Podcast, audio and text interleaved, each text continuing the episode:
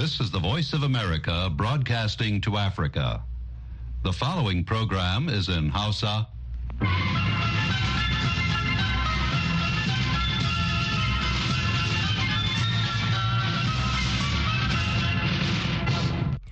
Sasha Hausa na muryar Amurka ke magana daga nan birnin Washington DC.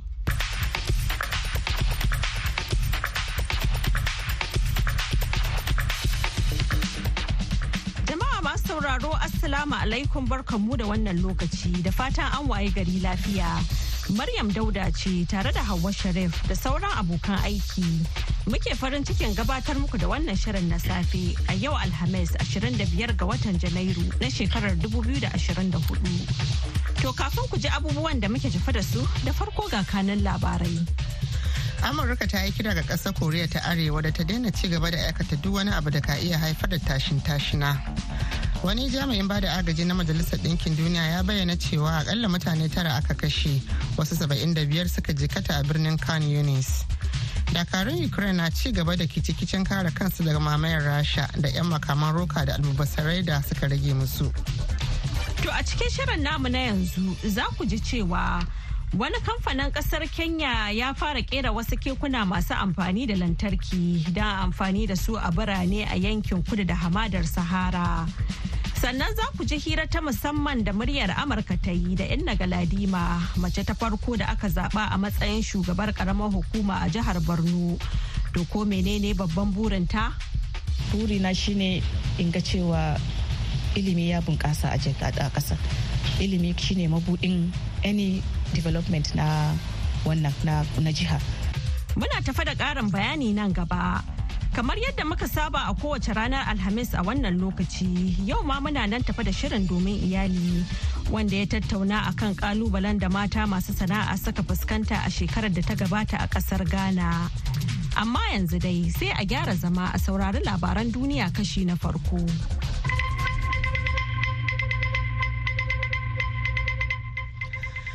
Jama'a Assalamu alaikum barkanmu da asuba ga labaran mai karantawa Hauwa Sharif. Amurka ta yi kira ga ƙasar Koriya ta Arewa da ta daina ci gaba da aikata duk wani abu da ka iya haifar da tashin tashina ta koma ga tafarkin diplomasiyya bayan da Koriya ta Arewa ta haɓa makamai masu linzami da dama cikin ruwa da ke daura da yankin yammaci a jiya Laraba. Mataimakin kakakin ma'aikatar cikin gidan amurka vedan patel ya shaida murya amurka a yayin wata ganawa da manema labarai a ranar laraba cewa suna ganin wannan take-taken a matsayin lamari mai hadarin gaske. Duk da yake ya ce komai akan yadda amurkan ke ɗauka take-taken na koriya ta arewa. Kadama da harin makami mai linzami na baya-bayan nan ya zo ne kwanaki kaɗan bayan da pyongyang ta gwada wani babban makami mai linzami mai cin matsakaicin zango da ke ɗauke da babban na'urar goshin jirgin yaƙin cikin ruwa da ya ratsa tsakanin daular korean da japan. Patel ya kara da cewa ba mu da wani mugun nufi tsakaninmu da ƙasar ta koriya kuma ƙofar mu na ci gaba da kasancewa a buɗe ga tafarkin diflomasiyya ba tare da wani sharaɗi ba. Wani jami'in ba da agaji na majalisar ɗinkin duniya ya bayyana cewa akalla mutane tara aka kashe wasu 75 suka jikkata a birnin kano yunis a jiya laraba yayin da wani makami da aka cillo ya fada kan wata cibiyar bayar da horo ta majalisar ɗinkin duniya inda aka tsugunar da wasu falasɗinawa su 800 da aka ɗaiɗaita da ke wato da aka ɗaiɗaita da ke a yankin kudancin birnin gaza. An ba da rahoton yadda dakarun isra'ila ke nausawa cikin birnin. A wata na huɗu na yaƙin da suke yi da dakarun hamas. Jami'an palestine sun ce dakarun isra'ila sun katse hanyar shiga mahimman asibitoci da ke kudancin birnin gaza wadda kuma ta kasance babbar hanya da dubban ɗaruruwan mutane ke bi suna arcewa faɗan da ake yi a yankin tsakiya da arewacin gaza suna neman mafuka a birnin na khan yunis. Palestinawa sun riƙa nuna faifan bidiyo da ke nuna bakin hayaki ya tarnaƙe sararin samaniya daga cibiyar baya da horon ta majalisar majalisar ɗinkin duniya ke kula da ita ƙarƙashin ƙungiyar unrwa mai samar da agaji ga falasɗinawa. Amurka wadda ta kasance babba abokiyar isra'ila yaƙin da take yi da hamas ta yi allah wadai da harin na baya-bayan nan da ya kashe fararen hula inda ma'aikatar cikin gida ta ce ko da wasa ba za ta amince da harin da aka kai ga ginin na majalisar ɗinkin duniya a birnin na kan yunis. A yayin da dakarun ukraine ke kicikicin ci gaba da kare kansu daga mamayar rasha da 'yan makaman roka da alburusan da suka rage musu. Wasu magoya bayan na ganin cewa gwamnatin biden ba za ta rasa yin wani katabus ba na samar wa ukraine din karin makamai ba tare da dogon zaman jiran amincewar majalisa ba. Buƙatar da gwamnatin biden ta miƙa ga majalisar na dala biliyan 61.4 a wani sabon tallafi ga soji da batun siyasa ya yi madabaibayi a majalisar wakilai. Lamarin da 'yan jam'iyyar republican suka danganta da buƙatar su ta neman sabbin tsauraran matakai akan bakin haure da masu neman mafaka daga kan iyakar kudancin amurka. To sai dai wasu masu mara baya ga muradun na ukraine sun ankarar da cewa gwamnatin na da wani kwantan kuduri da aka amince da shi a can baya na kuɗi dala biliyan huɗu da ɗigo biyu na tallafin makamai ga ukraine. Sai dai ana ganin muddin majalisar bata amince da wani sabon kudurin ba zai wuya a samu kuɗi a lalita amurka na kayan yaƙin tallafin soji. Lamarin da zai haifar da shakku ga shirin amurka na kai tallafin soji akan kowane irin rikici da ka iya faruwa a duniya kamar su taiwan. Ana sauraron labaran ne daga nan sashen hausa na murya amurka birnin washington dc to madalla kafin ku ji ƙarshen labaran duniyar za mu leƙa ɓangaren rahotanninmu. Yayin da ake ƙara nuna damuwa kan hayaki mai gurɓata muhalli da masana suka ce yana haddasa sauyin yanayi. Wani kamfanin ƙasar kenya ya fara ƙera wasu kekuna masu amfani da lantarki don amfani da su a birane da a yankin kudu da hamadar sahara. Fannin na sufuri dai na taka muhimmiyar rawa wajen rage hayaki mai gurɓata muhalli da kuma magance illar ɗumamar yanayi. Gasar fili hashim gumel da fassarar rahoton juma majanga daga birnin nairobi. Patrick Ambasu yana aikin rarraba kayayyaki ne a unguwar Hollingham da ke birnin Nairobi. Kwanan nan ya sauya daga amfani da babur zuwa keken lantarki. Mahaifi ne ga 'ya'ya takwas. Ya ce keken ba kawai yana inganta yanayin aikinsa ba ne kaɗai, har ma ya ƙara man samun kuɗin shiga. Baskeli ya electric kuja kurahisisha. Kekunan wutar lantarki sun samar da sauƙi wajen isar da kayayyaki da kuma harkar sufuri. Ya rage kuɗin da ake kashewa wajen sayan man fetur ɗin da ake zuba babura. Keken yana da gudu kuma yana zuwa ko ina har ma wuraren da babura ba sa iya shiga. Aikin rarraba kayayyaki a babura da ake kira buda-buda ya zama ruwan dare a Kenya. A shekarar ta gabata ne wani kamfani na ƙasar Kenya da Holland EB Africa ya fara sayar da kekunan lantarki da dakon kaya a ƙasashen Kenya da Uganda da kuma Rwanda domin jigilar kayayyaki da zirga-zirga. A Kenya, kekunan suna da tsada tsakanin dala 580 zuwa 740. Kamfanin EB ya ce sama da mahaya 800 a Nairobi sun sauya zuwa amfani da kekunan a yanzu. Shugaban kamfanin Stephen Daham ya ce manufar ita ce hanzarta tsabtace sufuri a yankin kudu da hamada Sahara. Domin samun kuɗaɗen shiga da kuma rage gurɓata muhalli ta hanyar hayaki. What we see is that the earning potential of the people who do last mile deliveries. Abin da muke gani shine samun kuɗin shiga ga mutanen da ke aikin raba kayayyaki musamman akan babura ya yi ƙasa sosai. Abu ne mai tsada sosai a sarrafa babura a lokacin da ake tunanin man fetur da gyara. Kuma keken lantarki ya fi arha sau biyu zuwa uku. Don haka, mun gano sauƙi a fannin rarraba kayayyaki amma kuma ba shakka muna ba da gudunmawa wajen tsabtace birane biranen da za a iya rayuwa saboda babu gurɓataccen hayaki na carbon idan aka duba kekunan lantarki. But also, of course, we contribute to cleaner cities, more livable cities, uh, because there are no carbon emissions uh, when you think about electric bicycles. Kekunan lantarki waɗanda ake kera su kuma a haɗa su a Kenya suna da batar tare da injin da yake juya feda. Suna da ƙarfin gudun kilomita 32 a cikin sa'a. We recommend for riders to bring their bikes for service after 800 km. Muna ba da shawarar masu kekuna duk bayan tafiyar kilomita 800 su kai su zuwa sabis. Don haka a nan ne za mu iya ganin ko birki yana buƙatar a daidaita shi ko idan sauran na'urorin suna aiki yadda ya kamata. Yayin da biranen Afirka ke ci gaba da bunƙasa, Bandaham na Ibi ya ce samar da hanyoyin kekuna akan tituna da sauran ababen more rayuwa na sufuri zai zama mabudin bunƙasa wanda zai haifar da fa'idoji masu yawa. We want uh, to have 1 million bicycles on the road and through Muna son samar da kekuna miliyan ɗaya akan tituna kuma ta hanyar samun kekuna da yawa tasirin gurɓatacce iskar carbon yana da girma.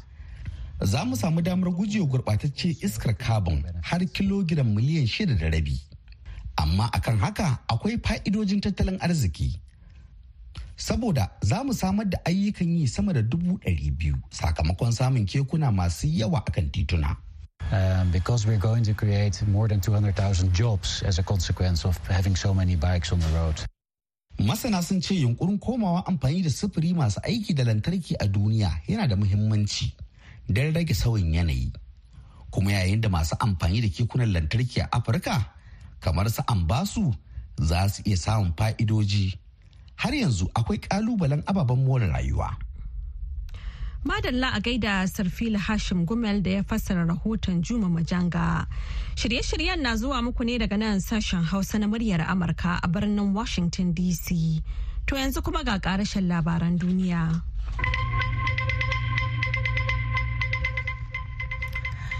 A jiya laraba ne Iran ta ce a shirye take ta taimaka ma Nijiyar shawo kan matsalolin takunkuman da ƙasashen duniya suka kakaba mata. a ƙoƙarin da tehran din ke yi na rage kadaicin da ke take fama da shi ta hanyar kulla kawance da ƙasashen afirka mataimakin shugaban ƙasar iran na farko muhammad makbar ya ce ƙasar shi ta yi allah wadai da takunkuman na rashin imani da aka kakaba wa niger a yayin wata ganawa da prime minister niger din ali mohamed lamen zain ita ma iran din na fama da irin nata takunkuman da ƙasashen duniya suka lafta mata tun bayan juyin juya halin musuluncin ƙasar na shekarar ta 1979 duk da dai ta yi nasarar samun hanyoyin tsallake wasu daga ciki. Tehran ta jima ƙarƙashin takunkuman Amurka tun bayan janyewar Washington a shekarar 2018 daga doguwar yarjejeniyar makamin nukiliya da ta samar da sassauci ga takunkuman da aka azawa Iran bisa amincewarta na dakatar da ayyukan makamashin nukiliya. Nijar da ta kasance kan gaggan takunkuman kare tattalin arziki da ƙungiyar haɗin kan tattalin arzikin ƙasashen Afirka ta yamma ECOWAS ta kakaba mata bayan da sojoji suka hambar da zaɓen shugaban ƙasar Mohamed Bazoum a watan Yulin bara. Alamu sun nuna cewa maza ne za su mamaye zaɓen da ake shirin yi a watan gobe a ƙasar indonesia. Duk da dai akwai tsirarun mata da ke ƙoƙarin taka irin tasu rawar a fagen siyasar ƙasar da tuni maza 'yan boko suka mamaye. Mutane fiye da miliyan biyu ne a ƙasar ake sa ran su cancanci kada kuri'a a zaɓen na ranar sha huɗu ga watan fabrairu wanda sama kaɗan daga rabin adadin mata ne. Duk da cewa ba su da wani wakilcin a zo a gani a majalisa cewar hukumar zaɓe na ƙasar. yar takarar majalisar wakilai linga parmesi ta shaida kafar labaran afp a garin clatin da take matakara cewa akwai jajirtattun mata da dama da za su iya taka rawar a zuwa gani a fagen siyasa amma jama'a da dama na kallon matan a matsayin masu rauni da ba su cancanci shugabanci ba clatin liga mai shekaru 37 a duniya ta ce wannan shine gaskiyar lamari musamman ma a yankunan karkara. Labaran duniya kuka saurara daga nan sashen Hausa na muryar Amurka a birnin Washington DC.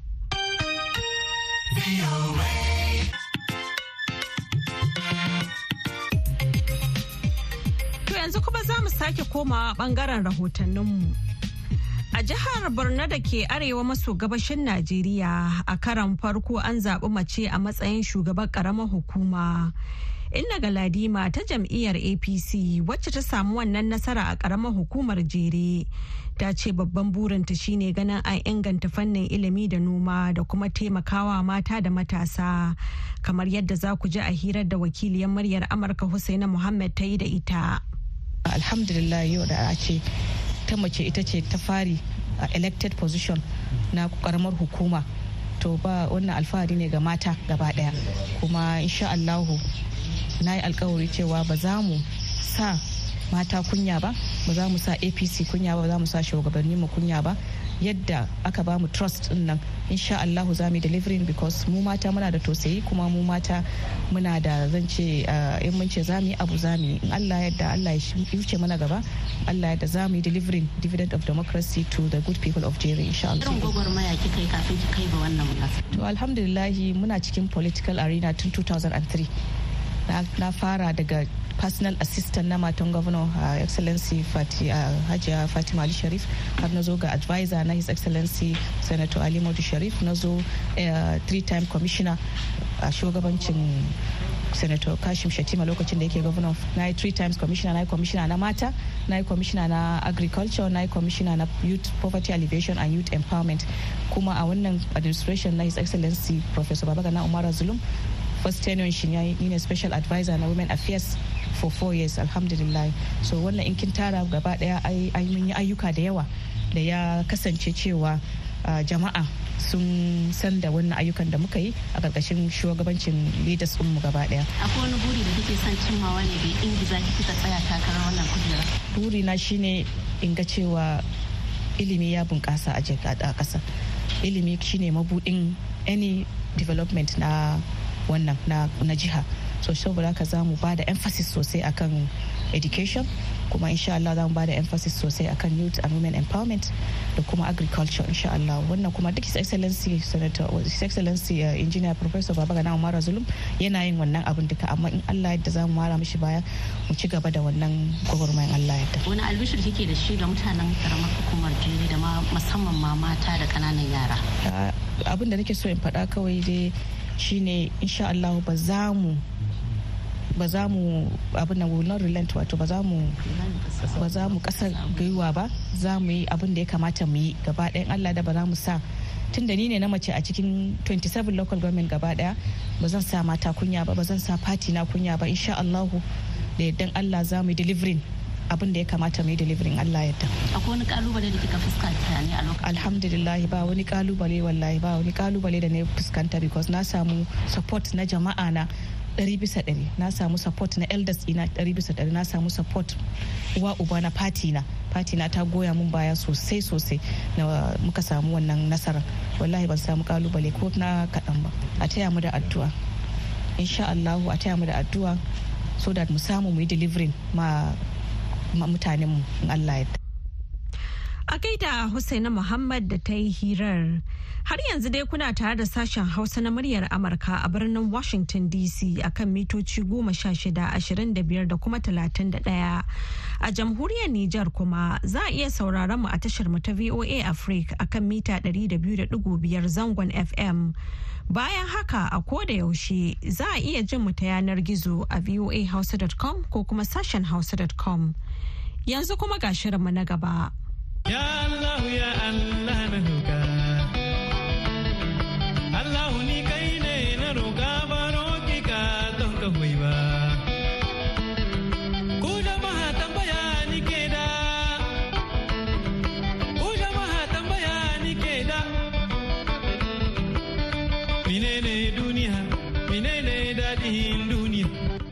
Masu saurare, Assalamu alaikum barkamu da asuba da fatar an shekara lafiya. Alheri Grace Abdu ke muku fata alheri da kuma fata iyali na lafiya. Kamar sauran ƙasashen nahiyar Afirka, mata a ƙasar Ghana suna nuna hazaƙa sosai a fannin sana'a da neman abin kai, sai dai sun bayyana cewa sun ɗanɗana kudansu a shekara da ta gabata. Wakiliyar Hawwa Abdulkarim ta nemi sanin matakan da suke gani gwamnatin ƙasar za ta iya ɗauka a wannan shekara domin inganta rayuwar iyali da ci gaban al'umma. sai matan da suka hada da 'yan kasuwa hannatu mahmud da samayya zakariya da kuma wata jami'a da ke aiki a ofishin ba da lasisin mota suka bayyana cewa yanzu mata suna son makeup dinki fashion dunki ke na fashion aha isa dai aka yi aka buɗe irin babban wuri haka an zuba machines akwai kwararru. Aka a samu a employ mata without maybe ba wani huge amount of kuɗi ba kadan da ya so ka samu kai ma you should keep yourself busy cause in ka ka koyi wannan abu in ka ka pass out kai kuma ka je ka buɗe shago ka employ wani. Ayyuka dai kamar makeup makeup hakan ga dinki ga sunan dai. Maybe government kuma ya ce ya sase maybe in machines ne in brushes and makeup ne. Masifin kiso ne you'd have to maybe pay something small. Ka zo ka koyo. In kai maka pass ka je ka buɗe shago kai maka kawo wani. So wannan kadan kadan na ya help ya help a lot. Ya bari a bari irin yawon banza ana bin maza ana kwana da su don ka samu wani abu kadan. Zo kana su matan da ke kasuwa kuma fa su tududu jallinta bai wuce 10 dollars 20 dollars 50 dollars ba. Ya da yi gwamnati ya taimaka musu? Ya kamata government ya duba matan da suke da ƙoƙarin nema. Ya iya ya ba su in the form of loan. Loan da ba interest an interest free loan bai ba interest free loan which means ba ba interest kan kuɗin nan dai da da a baka kai aiki da shi. Wani kuma an ya ba su in a form of kayan da suke sayarwa.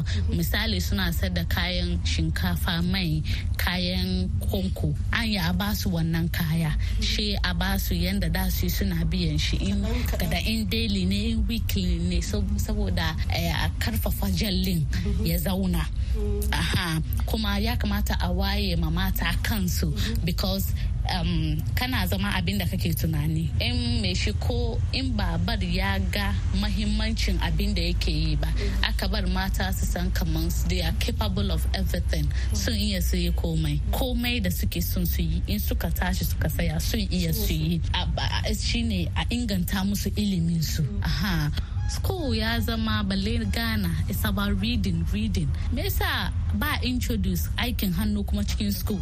Saboda um, ko dinki yau na iya yin dinki button because of wani course da na yi a jhs yeah isa in ka develop inda na develop interest da yau dinki nake yi isa a sai technical schools I've introduced yes I introduced. don kamar JHS ma. Suna wani abu kamar vocational, vocational studies haka ga home economics. home econs da BDT BDT nan kamar for maza ne kai kai carpenter da shi da mata ma wayan suna yi but i think in ma aka je ss mu ce kin general art ko science akwai wani vocation ciki a ce akwai wani abu dai da dole ne continue from JHS just to ss kaya yi kaman shaidai da ka yi home accounts kawai ss za ka yi wannan particular aspect no it should cut across. Cut across isa ko yi science ma maybe dole ne ki koyi wani abu kaman um, pedicure manicure. Ko a ce ki koyi wani abu beauty wani anything about beauty. aikin offices ko yana ya choke. Ya choke. Without protocol baka samu aiki. isa alai kana school kaya an gwada maka yadda ake meat pie. Cake. Kaya irin wannan pastries ɗin nan. In ka kare in ka je yawo da CV in ka baka samu aiki ba. Ka ka kafa table ka yi sayarwa ma abinci ne an sai. Daily bread. Mutane na wucewa kan kasi da shi ya. Kafin maybe ka zo ka samu aikin gwamnati. Ya a bar a fitar da wannan abu cikin hankalin mutane kamar dole shi ka je aiki office dole. A bar mutane su san kamar abin da ka koyi duka ofisin ka ne. Abinda kake yi duka shi ya kamata ka yi. And wannan ma yana zai taimaki gwamnati because ya reduce pressure. pressure. To su kuma matan da ke cikin sana'an da kansu kuma fa. Wani hanya kuke ganin gwamnati zai taimaka ya improve sana'anku? Don yawa taxes. taxes na kashe mu. We are dying. Duba just um, yaushe ranar monday na je cire kayan airport. Duty. Mm. duty. As at 2020 mm. in je clear kaya airport customs 150 cities 450 500 cities mm. baka biya ba baka karbi kayan ka ba the taxes are too much. They need to do something. Uh, yeah, uh, too much. we can yes ya yi too much.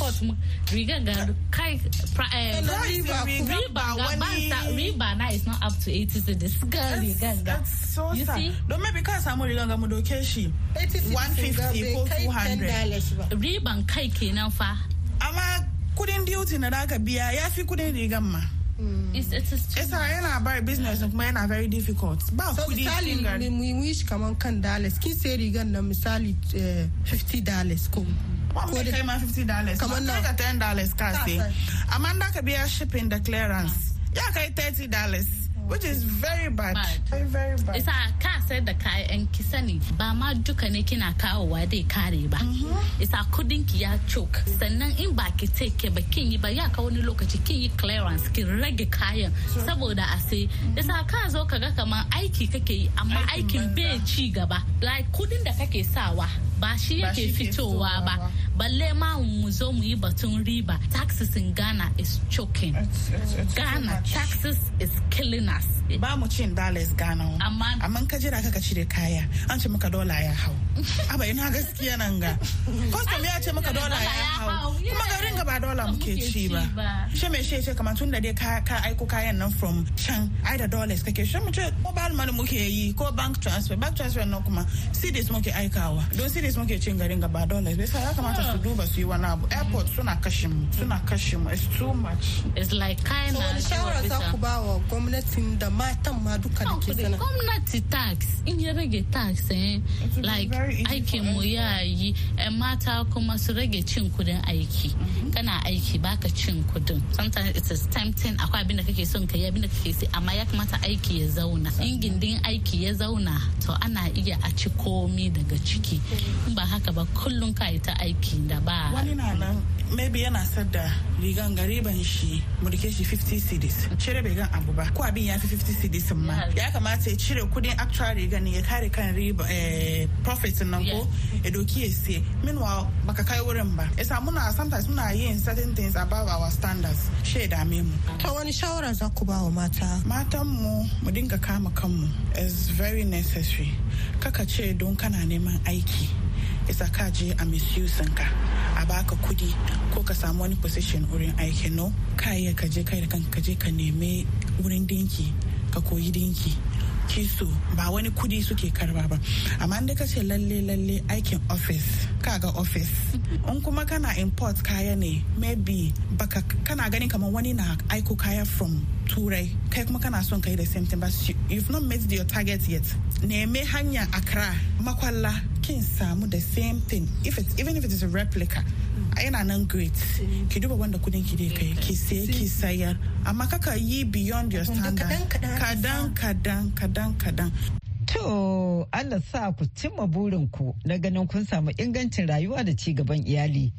Nan kuma za mu sallama da ƙawayen namu na ƙasar Ghana Hannatu Mahmud da Sumayya Zakari jami'a da ke aiki a ofishin ba da lasisin mota da suka bakunci shirin.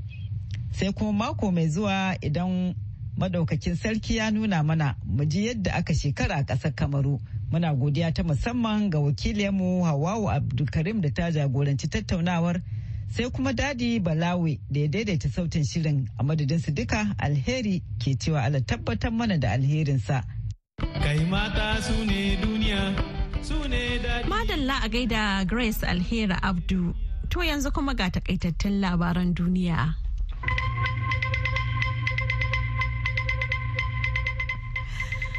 To Maryam a taƙaice Amurka ta yi kira ga ƙasar Koriya ta Arewa da ta daina ci gaba da aikata duk wani abu da ka iya haifar da tashin tashina ta koma ga tafarkin diplomasiya bayan da Koriya ta Arewan ta harba makamai masu linzami da dama cikin ruwa da ke daura da yankin yammaci a jiya Laraba. Mataimakin kakakin ma'aikatar cikin gidan Amurka Vedan Patel ya shaida a murya Amurka a yayin wata ganawa da manema labarai a ranar Laraba cewa suna ganin wannan take-taken a matsayin wani lamari mai hadarin gaske. duk da dai ya iya ce komai kan yadda amurkan ke ɗaukar take-taken na koriya ta arewa wani jami'in ba da agaji na majalisar ɗinkin duniya ya bayyana cewa akalla mutane tara aka kashe wasu 75 suka jikkata a birnin kan yunis a jiya laraba yayin da wani makami da aka cillo ya fada kan wata cibiyar bayar da horo ta majalisar ɗinkin duniya inda aka tsugunar da wasu falastina su 800 da aka ɗaiɗaita da take yankin wato da ke yankin kudancin birnin gaza. An ba da rahoton yadda dakarun isra'ila ke nausawa cikin birnin a wata na huɗu na yaƙin da suke yi da dakarun hamas.